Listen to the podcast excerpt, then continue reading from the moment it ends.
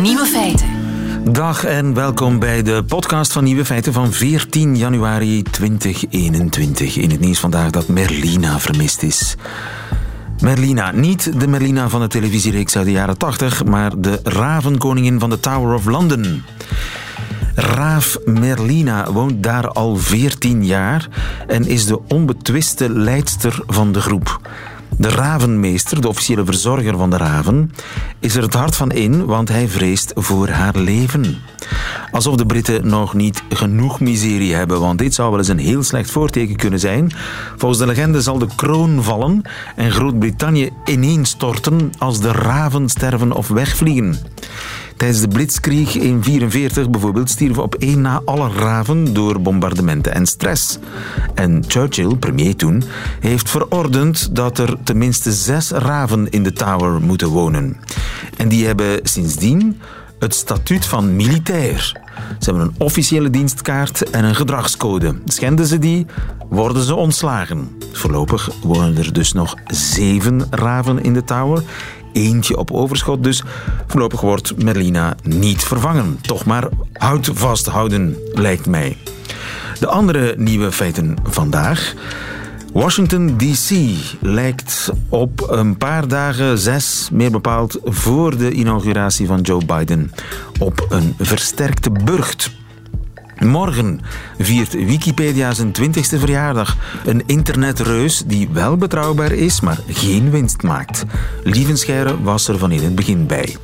En mochten zebravinken meedoen aan de Masked Singer, dan zouden ze nogal de show stelen. De nieuwe feiten van Christophe van der Goor hoort u in zijn middagjournaal. Veel plezier. Radio 1. Nieuwe feiten. Nog zes keer slapen en dan legt Joe Biden de eet af als nieuwe president van Amerika. Al is de vraag of de veiligheidsdiensten wel veel zullen slapen tegen die tijd, wel een oog zullen dicht doen. Michiel Vos, goedemorgen. Of goedemiddag moet ik intussen zeggen. Goedemiddag. Ja, nee, goedemiddag. Lieve. Onze huis-Amerikaan. Uh, is er nog nieuws over dat impeachment? Dat is gestart, hè? gestemd in het huis. Nu moet de Senaat nog stemmen waar alle ogen gericht zijn op Mitch McConnell, de fractieleider van de Republikeinen, rabiate Trump-supporter tot nog toe. Bestaat de kans dat hij op de valreep Trump nog laat vallen?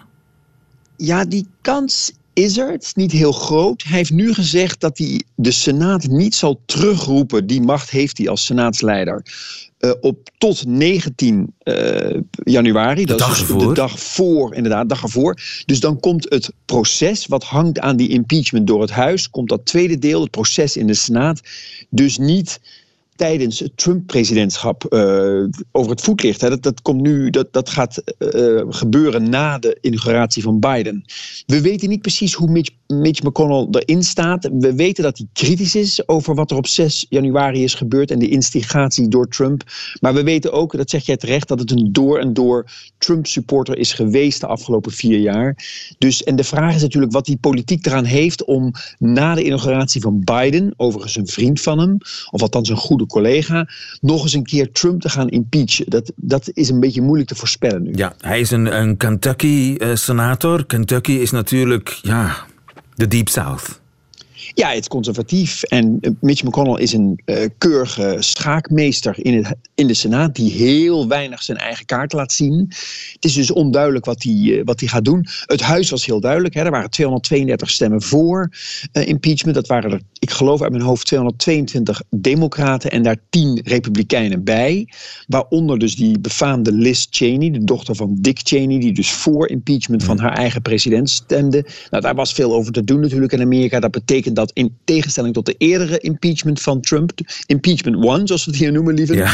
uh, was, was deze dus impeachment 2. Impeachment 2 was bipartisan, hè, dus met steun, weliswaar, ja. maar met 10, maar met steun van republikeinen. Nu, dat proces dat zal nog doorgaan na de inzwering van uh, Joe Biden.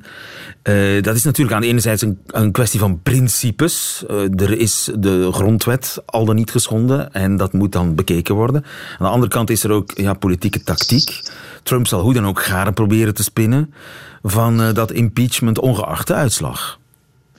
Ja, al is het een beetje de vraag, lieven, wat, hoeveel garen de beste man nog kan spinnen. Het is wel duidelijk dat hij heel erg politiek, maar ook bijvoorbeeld zakelijk en in de media erg eenzaam is geworden. Er zijn berichten nu dat hij tierend uh, in de residence, dus de bovenste verdieping van het Witte Huis, uh, zit. Dat hij boos is dat niemand hem verdedigt.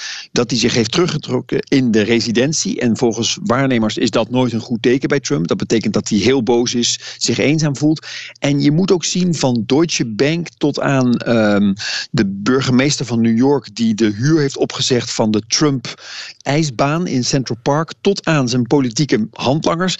Er is eigenlijk niemand die op dit moment het Trump-idee of de Trump-brand, als je dat wil, aan het verdedigen is. Behalve Rudy Giuliani. Maar die heeft om 20.000 dollar per dag gevraagd. En dat was ook Trump eh, het verkeerde keel had ingeschoten. Dus nee, er zijn niet heel veel vrienden over. Ik, er zijn zelfs berichten dat Melania through is eh, with the presidency. En misschien ook wel met het huwelijk. Okay. Ja, dat is allemaal niet, niet, allemaal, het is niet allemaal even belangrijk. Ik hussel nu alles door elkaar. Maar bijvoorbeeld een, Deutsche, een Deutsche Bank die als grote bank en lener aan Trump bijvoorbeeld zegt... wij willen ons niet meer associëren met... dan zie je dat Trump een beetje wordt, wordt behandeld als bijvoorbeeld in de tijd Tiger Woods, die ook op een gegeven moment toxic was en daar wilde geen bedrijf zich meer aan branden. En dat lijkt nu ook een beetje te gebeuren met Trump. Hè? Van Twitter tot aan Deutsche Bank, tot aan Republikeinen in het congres, tot aan Mitch McConnell of all people. Ja, zelfs Mitch McConnell begint te twijfelen. Afwachten wat dat wordt, dat impeachment. Dat is misschien alleen belangrijk voor toekomstige presidentiële plannen van eh, Donald Trump. Want als hij echt daadwerkelijk geïmpeached wordt, ook al is dat over een paar maanden, dan uh, kan hij niet meer meedoen. Ja, dat klopt. Dat, dat zou inderdaad een grote. Dan kan hij in 2024 niet meer meedoen. Die kans acht ik vooralsnog klein. In de Senaat moet je dan 67 stemmen hebben. Dus dat betekent alle Democraten zo'n beetje plus een, hè, een, een, een gedeelte van de. Ja, 17, 17 Republikeinen moeten. 17 Republikeinen, inderdaad. Met de nieuwe Senaat die 50-50 is. Ja, dat is nogal wat. Dan moeten er 17 Republikeinen openlijk hun eigen oud-president dan uh, afvallen. Nou, daar zitten een Mitt Romney tussen en een Lisa Murkowski van Alaska die dat wel willen doen, wellicht. Maar niet allemaal. En daar zijn er te weinig van, denk ik. En, ja. en de politieke wil zal misschien ook wat minder zijn, omdat Trump dan toch al in Mar-a-Lago is, et cetera. Ja, ja. Maar goed, uh, nog minder dan een week en dan wordt Biden ingezworen. Is hij veilig? Ik bedoel dat letterlijk. Ja, dat is...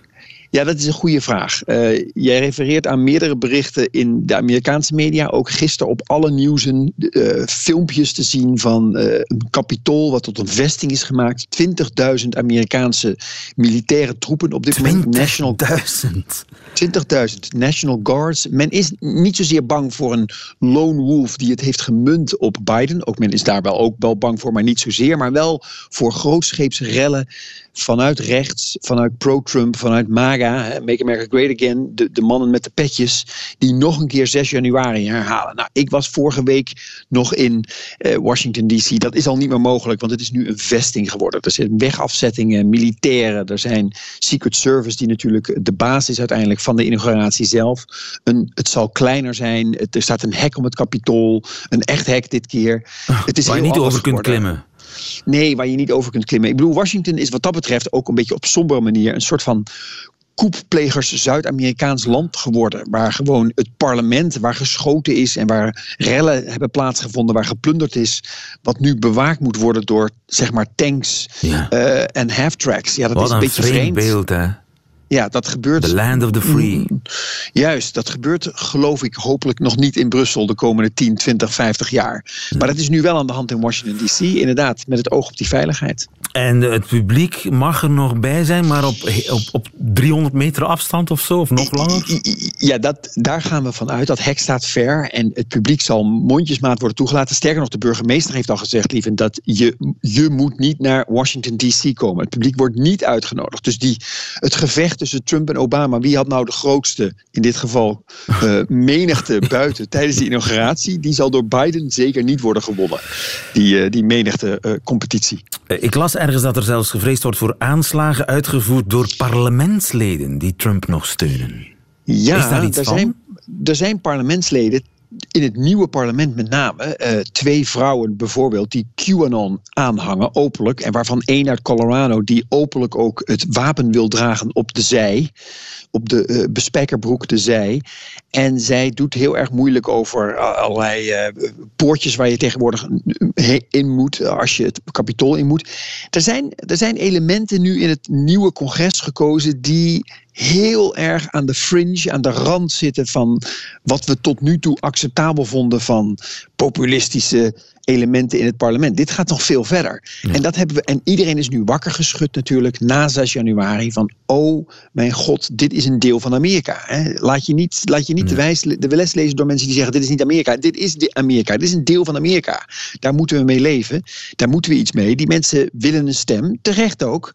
Iedereen wil een stem, maar uh, de wijze waarop was natuurlijk volledig verkeerd de afgelopen woensdag. Nu, uh, het Capitool en het Witte Huis, dat worden uh, ja, burchten oninneembare alle ogen zijn daarop gericht, alle concentratie gaat daar naartoe. Maar is het niet mogelijk dat er elders dan geweldige aanslagen worden gepleegd? Nee, dat klopt. Je hebt helemaal gelijk. Daar is ook al tegen gewaarschuwd dat in, eigenlijk in alle 50 staten de, de kapitolen, elke staat heeft natuurlijk in zijn eh, hoofdstad een klein kapitool, zeg maar. Een, een parlement, een huis of een senaat, hoe ze dat dan ook noemen verder. Maar en die moeten allemaal worden bewaakt. Hè? Want er zijn rellen aangekondigd online op duistere sites we zitten nu bijvoorbeeld allemaal op Parler. Nou, dat is waarschijnlijk afgeschaft. We zitten op Telegram. We zitten, we zitten niet meer op Twitter natuurlijk, want daar zit onze Trump niet meer, zeggen die mensen. Dus we zitten op andere fora.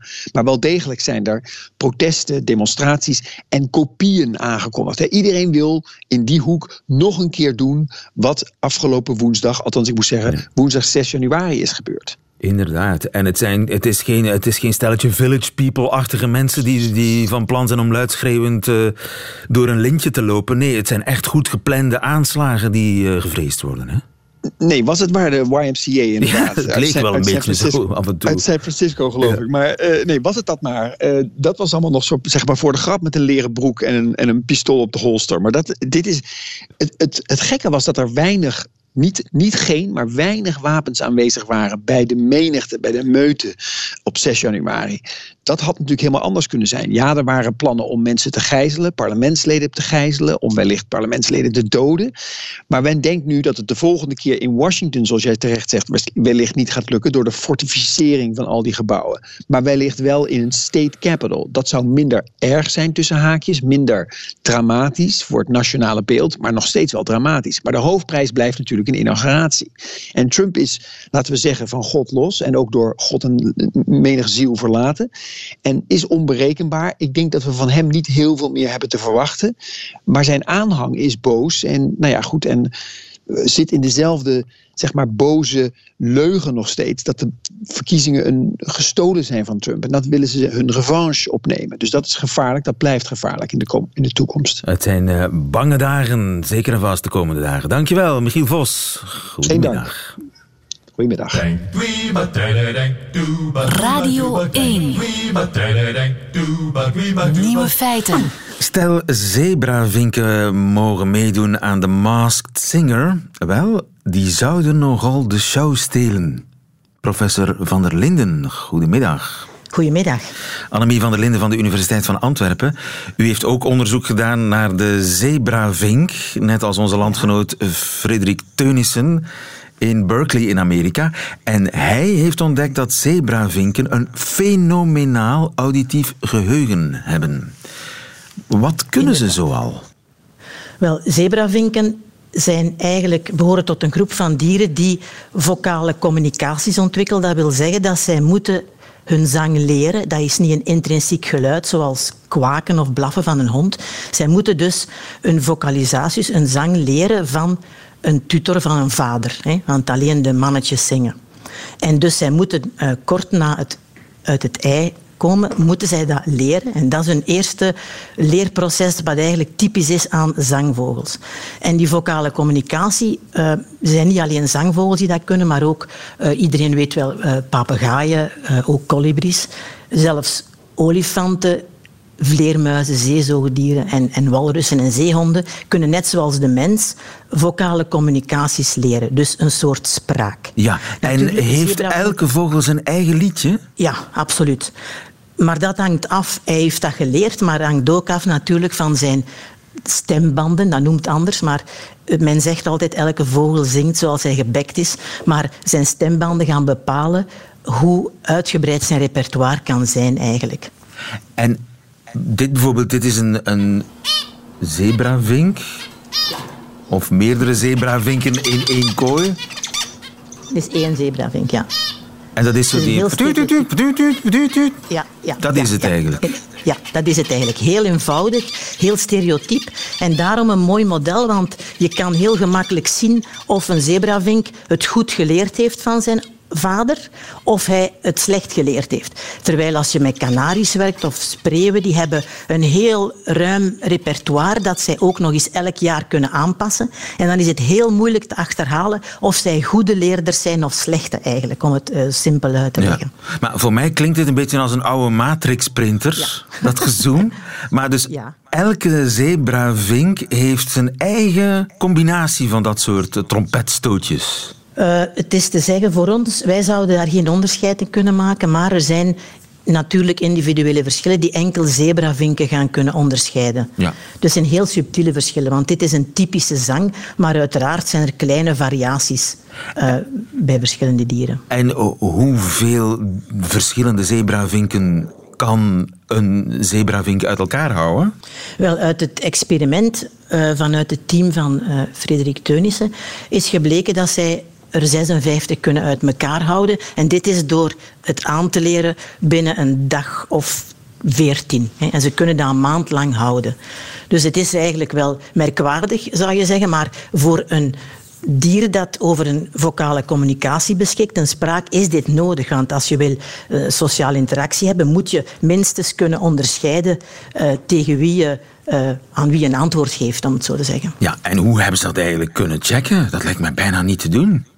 Wel, dat, eigenlijk is dat redelijk eenvoudig. In die zin dat wanneer je een zebravink in een kooitje zet eh, en daar bijvoorbeeld een, een opvallende knop bevestigt, een rode knop of een draadje, ze gaan daar beginnen op pikken. En van op het moment dat zij horen dat dat pikken het een, een liedje oplevert, dan gaan zij dat heel graag doen. Want zij, zij, zij, een, een eh, beloningssysteem in de hersenen wordt eigenlijk eh, geactiveerd wanneer zij liedjes horen en ook wanneer zij zelf zingen. Dus dat is eigenlijk een, een soort beloning. Dus ze gaan heel snel op een knop drukken, wil zij, en dan weten ze, er komt een liedje.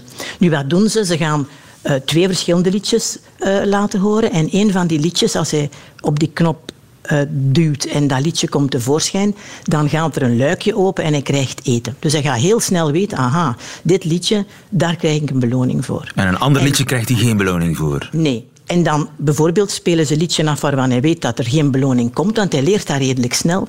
Dan gaat hij onmiddellijk terugpikken op dat knopje om een ander liedje te horen. Hij weet toch, er En- komt niks. Ja, er komt toch niks. En dat is een soort conditionering. En dus een, ik, ik leg het heel eenvoudig uit, één op één, maar ze voeren die combinaties op.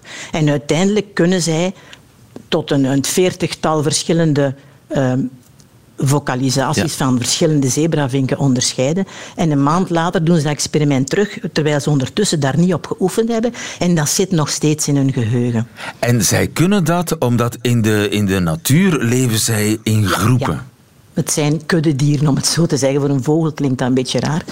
Maar zij, zij kunnen dus eh, communiceren met elkaar en elkaar heel goed herkennen als competitor voor een, een wijfje of, of als er alarmcalls zijn. Want ze hebben dit getest niet alleen met zang, maar ook met calls. Calls is eigenlijk iets dat ze niet aangeleerd hebben, maar waarmee ze reageren op eh, verschillende zaken, zoals een liedje bijvoorbeeld. Ja, ja. Een, meisje, een meisjesvogel die een, eh, een mannetjesliedje heel erg leuk vindt, gaat daar heel veel op reageren door terug te callen, dus terug te roepen. Ja. Dat zijn signalen, ja. Maar, en ook die, die calls kunnen ze uit elkaar houden? Nee, toch? Ja, ja. Allee.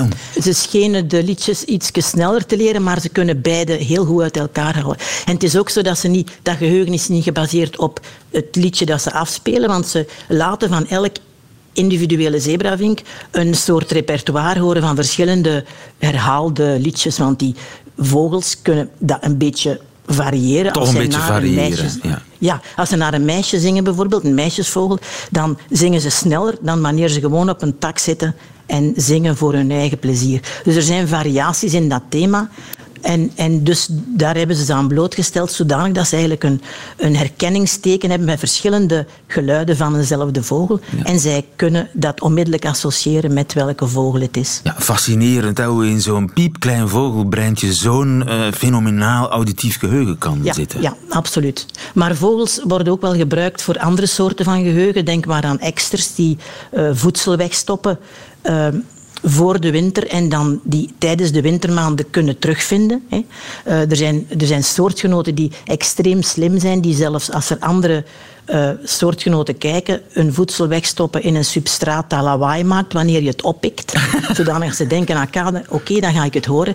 Dus er zijn zangvogels zijn een eh, model voor spraak, maar ook voor de verschillende soorten van geheugen, absoluut. En zebravink is een eenvoudige vogel en daarom eh, handig om te gebruiken in labo-situaties. Zebravinken. Een populaire volière vogel, hè? ook bij ons. Hè? Rode bek en zo'n zebra-halsje. Zebra-gestreept sjaaltje die hij om heeft. Inderdaad, ondanks zijn eentonige zang eh, is het een populaire volière vogel. Omdat hij zo mooi is om naar te kijken, Ja, neem ik dat aan. wel. Annemie Ja. van der Linden, dankjewel. Goedemiddag. Oké, graag gedaan. Dag. Nieuwe feiten. Groter dan Twitter, groter dan Netflix, groter dan Instagram en toch niet in handen van miljardairs. Hun website is bijna de drukst bezochte ter wereld. En toch heeft dit bedrijf geen aandeelhouders en geen reclame. Vrijdag vieren ze hun twintigste verjaardag. En ik mag praten met een medewerker van het eerste uur. Goedemiddag, Lieven Scheire.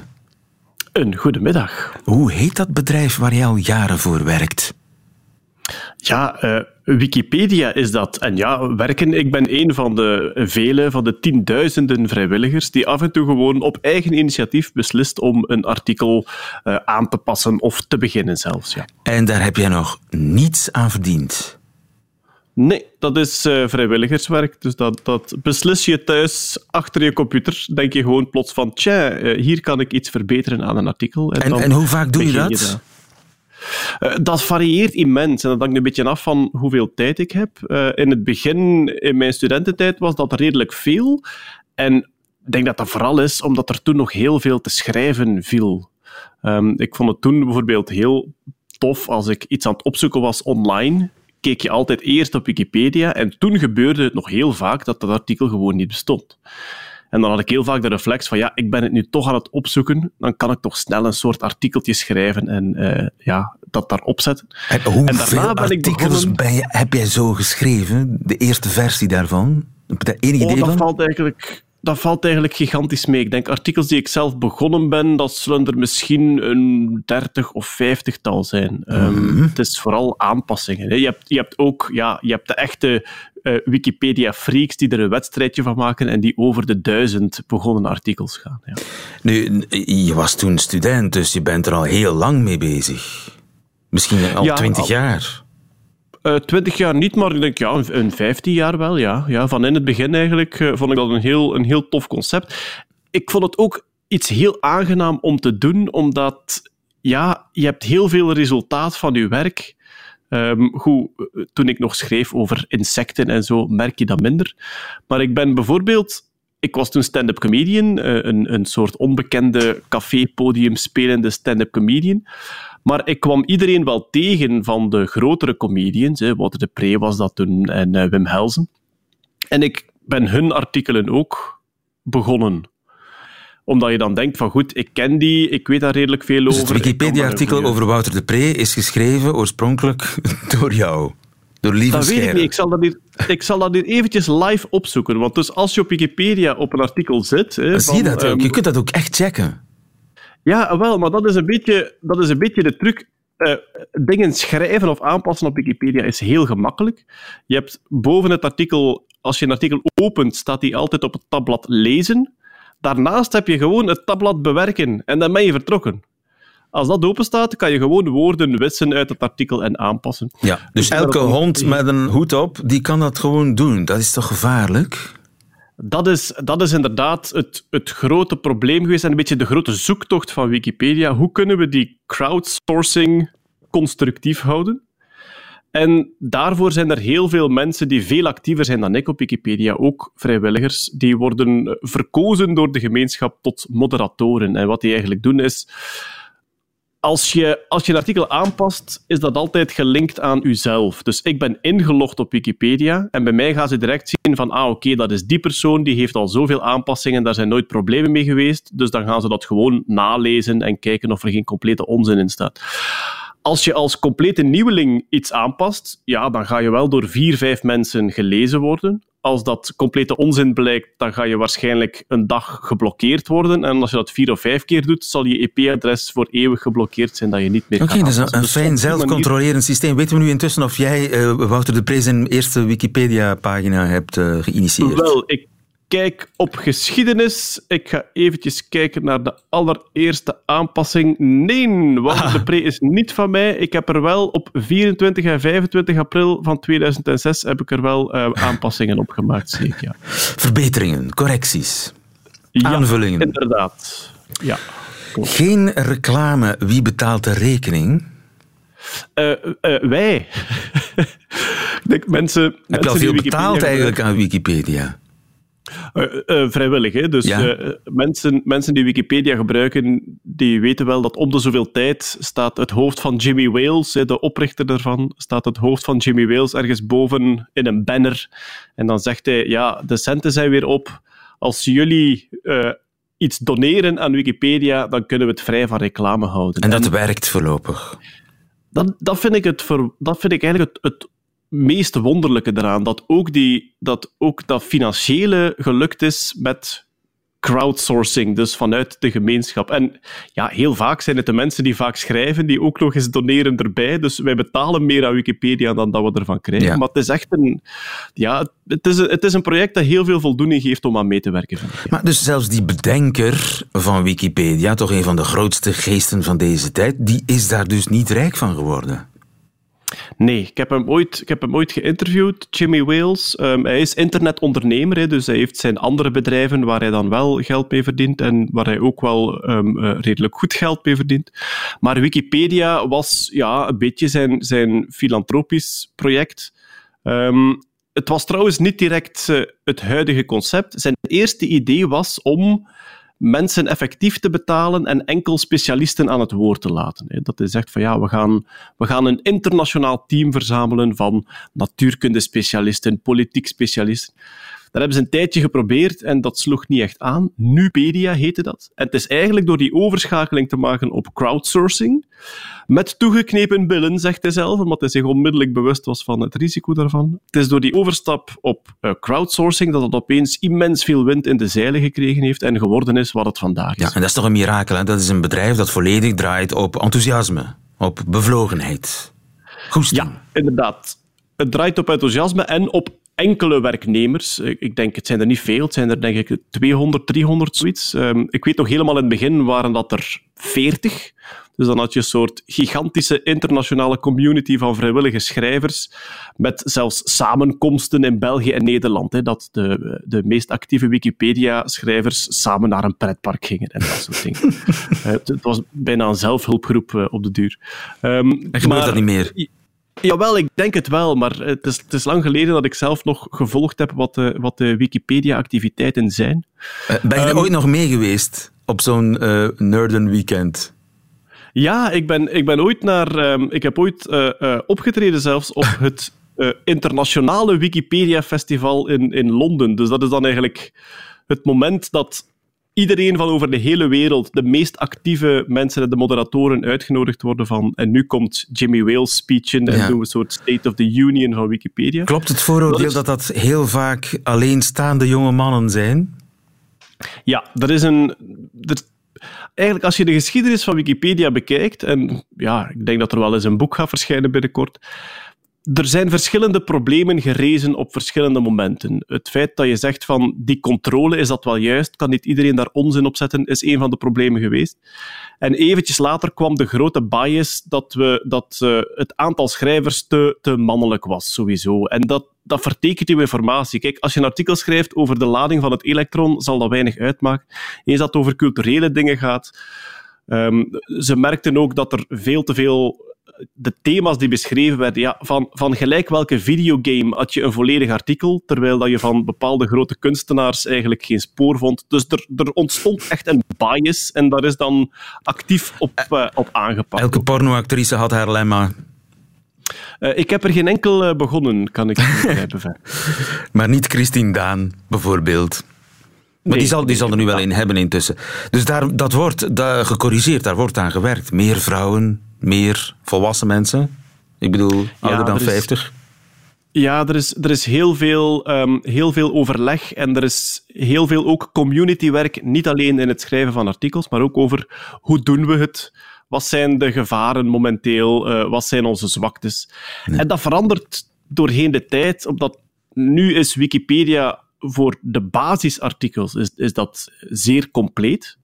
Allee, ja, compleet bestaat niet, maar er is een hele, hele goede basis van dingen die er eigenlijk op zouden moeten staan.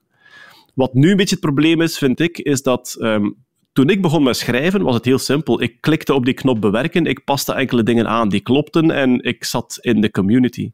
En de instap is nu groter geworden, omdat er al zoveel op staat, ook omdat er zoveel regels zijn. Een biografie moet er zo uitzien, moet zo beginnen, dat soort dingen. Maar ja, uh, geen fake nieuws, geen uh, foutieve ja, informatie. Ja, dat, dat, moet, dat, dat moet je verdienen natuurlijk. Hè? Dat komt niet zomaar. Eh, nee, dat klopt inderdaad. En die, die moderatoren hebben daar een grote rol in gespeeld. Dat is ook een beetje een, een gok geweest. Um, maar er zijn legendarische infowars gevoerd, ook op Wikipedia, die dan meestal stilgelegd worden door, door de moderatoren. De, de, de wel eens niet spelletjes, zeker op politieke artikels, hè, beschuldigingen. Ook mensen die een beetje lastercampagnes gingen voeren. Hè, dus die van, van van al hun tegenstanders vooral het, uh, het alineaatje kritiek geweldig uitgebreid gingen spijzen met elke kleinste misstap die gebeurd was. En dat zijn grote problemen geweest op Wikipedia. En nu gaat, gaat de moderator dan vrij snel ingrijpen en dat artikel zelfs op slot doen. Dat is iets wat vaak gebeurt. Hè. Als er, gelijk, het artikel van Donald Trump, ik heb nog niet gekeken, maar ik neem aan dat dat nu op slot staat. Dat enkel mensen die al meer dan 500 goedgekeurde aanpassingen geschreven hebben, daar iets op mogen veranderen. Ja, een soort zelfregulerend systeem dat toch al bij al eh, heel goed werkt. Hoe groot is de Nederlandstalige Wikipedia eigenlijk in vergelijking met de andere landen? We zitten nu aan 2 miljoen uh, artikelen. Dus 2 miljoen dingen die beschreven staan op Wikipedia. Wij, zijn heel lang, wij hebben heel lang, ik denk zelfs in de top 5 gestaan. Hè. Dus Engels is altijd het grootst geweest. En dan dat je um, Frans en Duits. En Nederlands stond daar altijd zeer hoog in ook. Ik denk intussen dat we iets verder naar beneden gegaan zijn in die top. Omdat ja, ook het, het, eh, het Hindi komt daarbij en, en, eh, en, en het Chinees zelfs, denk ik. Al, ja, ik weet niet hoe actief die zijn op Wikipedia. Maar dus Nederlander, uh, Nederland, het Nederlands taalgebied, Nederland en Vlaanderen, um, wij zijn zeer actief op Wikipedia. Ja. Bestaat de kans dat Wikipedia ooit gekocht wordt door Mark Zuckerberg? Ik denk het niet. Enfin, laat ons zeggen, je hebt daar twee kanten aan. Je hebt de zuiver juridische kant. Ik weet niet of het gekocht kan worden als bedrijf. Het is een stichting, um, dus het is een vereniging ja, zonder ja. winstoogmerk. Ja.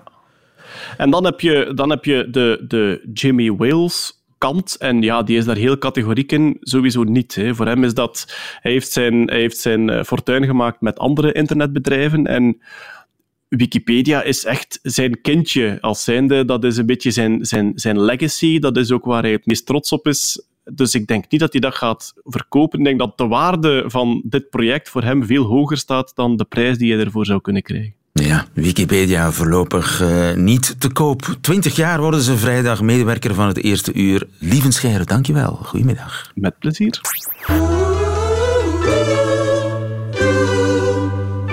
Nieuwe feiten. Dat waren ze. De nieuwe feiten van 14 januari 2021. Behalve die van Christophe van de Goor, die u hoort in zijn middagjournaal. Nieuwe feiten.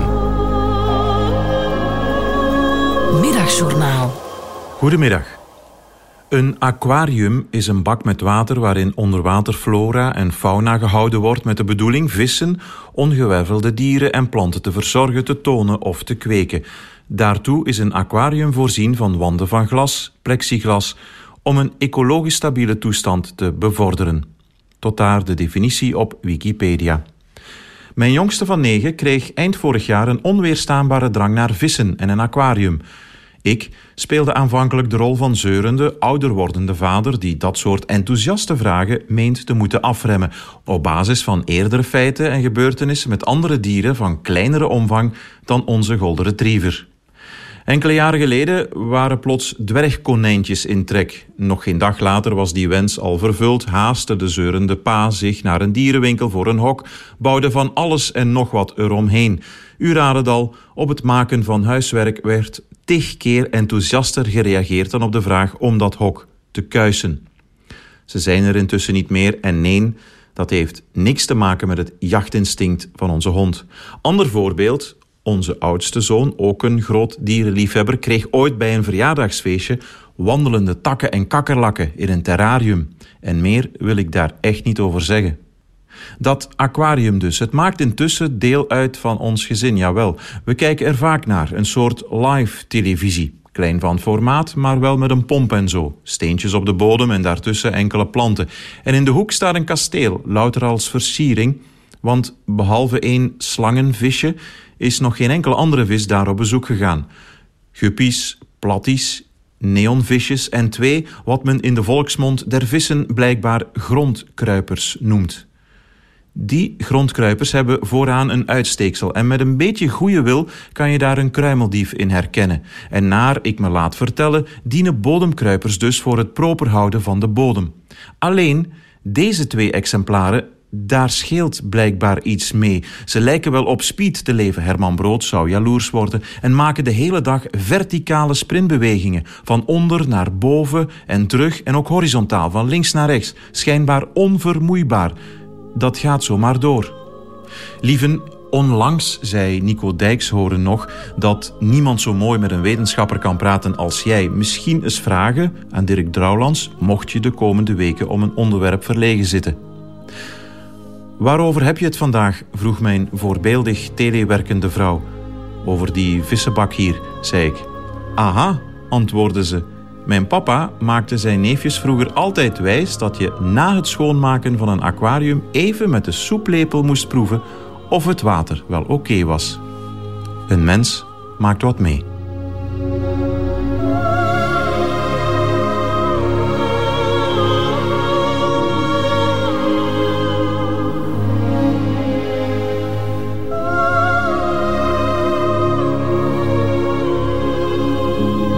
Middagjournaal met Christophe van der Goor. Einde van deze podcast. Hoort u liever de volledige uitzending met de muziek erbij? Dat kan natuurlijk via radio1.be of via de vernieuwde Radio 1-app. Daar vindt u overigens nog veel meer te beluisteren podcasts. Tot een volgende keer.